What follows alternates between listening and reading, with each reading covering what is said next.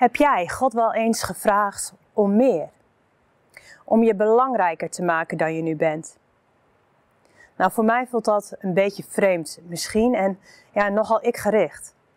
En toch lijkt het tussen de saaie geslachtsregisters van één kronieken ineens zo'n soort gebed op te duiken. En het werd nog verhoord ook. Leek mij dus de perfecte materie voor deze parel, zeker zo in de week van gebed. Superleuk dat je kijkt of luistert. Ik wil graag de versen 9 en 10 van 1 Kronieken met je lezen. Jabes was van groter aanzien dan zijn broers. Zijn moeder had hem Jabes genoemd, want, zei ze, ik heb hem met smart gebaard.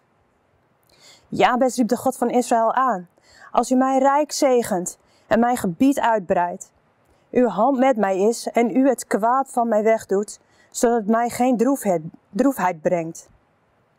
En God liet komen wat hij gevraagd had. Nou, in die tijd was een naam belangrijk. Het zei echt iets over je. En deze onbekende Jabes had van zijn moeder een naam gekregen die betekent die smart veroorzaakt.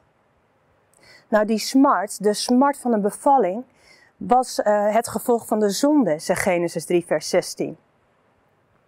En deze onbekende Jabes kreeg van zijn moeder een naam mee die hem voor altijd zou herinneren aan de pijn die zij gehad had. Lekker voorteken voor het leven van deze Jabes en een goed begin van een laag zelfbeeld, denk ik zo. Iedere Jood uit die tijd zou zich dan ook hebben afgevraagd hoe het kan dat deze man met zo'n naam, die symbool staat voor lijden, voor verdriet, voor zonde, aanzienlijker zou kunnen zijn dan zijn broers. Dus laten we zijn gebed eens onder de loep gaan nemen. Jabes bidt allereerst om rijke en overvloedige zegen. Voor jawel, zichzelf. Maar daar is dus helemaal niks mis mee. Want de overvloedige zegen voor jou, en nee, dat staat niet gelijk aan economische welvaart, staat overvloedige zegen voor een ander helemaal niet in de weg. God heeft namelijk zo idioot veel te geven dat hij al zijn kinderen rijk en overvloedig kan zegenen. Jabes weet dat dat ook precies is wat God als onze Vader wil. Hij liet zich niet weerhouden door zijn naam. Hij zei niet, God, ik zal echt veranderen. Als u me zegent, dan zal ik echt beter dit of echt beter dat. Ook wij hoeven die zegen niet te verdienen. Ook wij mogen, ongeacht wat over ons is uitgesproken en wat wij met ons meedragen, vragen om die rijke, overvloedige zegen voor ons, zo heel persoonlijk. God heeft zoveel meer te geven dan wij kunnen beseffen. Nou, vervolgens bidt Jabes om uitbreiding van zijn grondgebied. Toen de ballingen terugkeerden uit Babylon, namen ze genoegen met veel minder grond dan God voor hen bestemd had. En Jabes vraagt hij dus eigenlijk om te ontvangen wat hem en zijn familie was toegezegd, zijn erfdeel. En ineens zien we dat dit gebed dus helemaal niet op Jabes zelf was gericht, maar op de vervulling van Gods belofte. Heb jij God wel eens gevraagd om meer grondgebied in te mogen nemen? Om je grenzen te mogen verleggen? En dan heb ik het niet over meer macht of een groter podium of een groter huis, maar geestelijk gezien, voor het evangelie. We zijn eerder geneigd om te vragen of we een beetje minder mogen, toch? Een last van ons af en niet nog meer op ons bordje. En toch is het deze Jabes die juist om deze vraag eervoller is dan zijn broers. Hij heeft het kennelijk goed begrepen. Hij weet dat hij voor meer bestemd was. Dat God een ander verlangen had, een veel groter verlangen. En het goede nieuws is dat Gods verlangen ook vandaag heel duidelijk is. Jezus zei tenslotte: Maak alle volken tot mijn discipelen. Zou er niet een tijd moeten komen waarop Gods verlangen ook ons verlangen wordt? Nou, als je dan bidt om meer grondgebied, dan kun je ook maar beter het laatste deel van Jabes zijn gebed gaan bidden. Doe het kwaad van me weg. Want als je meer ruimte inneemt als christen en je leven meer en meer getuigt van Jezus, dan, dan kun je erop wachten dat je in het oog springt van de vijand. En hij zal proberen aan te vallen. Je tot zonde te verleiden. Maar het kan ook zijn dat hij je heel geniepig van alles influistert en je gedachten probeert te beheersen door jou te wijzen op jouw verleden. Jabez hoeft er slechts bij zijn naam te worden genoemd, om daaraan herinnerd te worden. Laat je dus niet uit het veld slaan door de moeite, de twijfel, de aanval. Maar bid net als Jabez om Gods bescherming. God verhoort het gebed van Jabez. En God verhoort het gebed van Jabez omdat het volledig aansluit bij zijn wil. Bij zijn verlangen voor Jabez persoonlijk en bij zijn verlangen voor de wereld. Wat een getuigenis had deze Jabez. God keerde zijn lot volledig om. Het oordeel, de zonde, het lijden had niet het laatste woord. En het zal ook niet het laatste woord hebben over ons. Want God stuurde zijn zoon om dat te voorkomen, om ons lot te keren. Wij mogen net als Jabes vragen om die rijke zegen, want hij wil het ons geven. En hij wil ook onze invloed als christen vergroten. Laten we dus ook het voorbeeld van Jabes volgen en dit gebed, dit gebed tot zijn eer bidden. Maar geloven we eigenlijk wel dat God ook voor ons allerlei zegeningen heeft klaarliggen? Misschien bid jij al jarenlang om genezing, om minder eenzaamheid, of dat je familie tot geloof komt.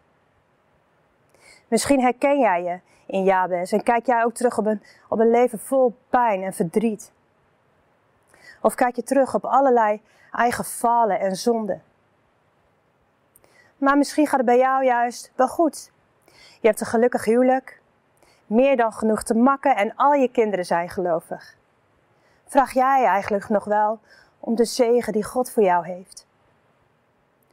Durf je wel te bidden om meer grondgebied?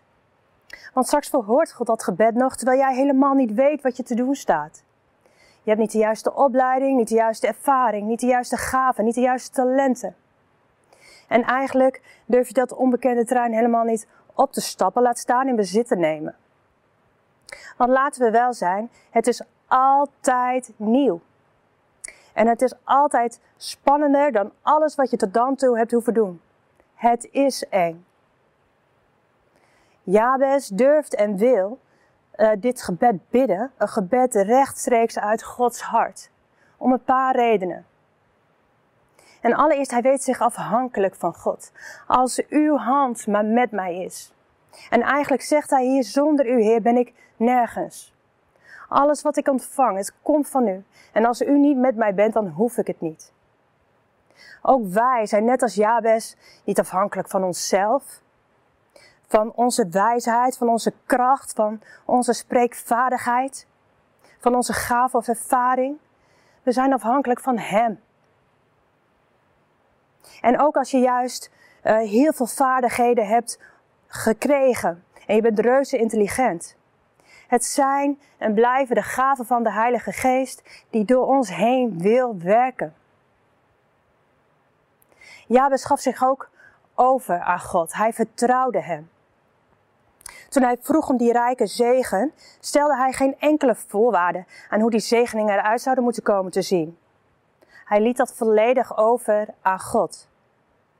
Ook wij mogen erop vertrouwen dat God precies weet wat wij, wat jij, ieder zo uniek en zo persoonlijk nodig heeft.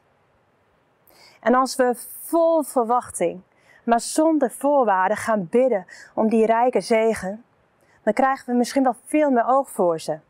En dan zien we ze opduiken op de mooiste, meest onverwachte en bijzondere wijze en tijdstippen. En Jabes wist ook wie hij was.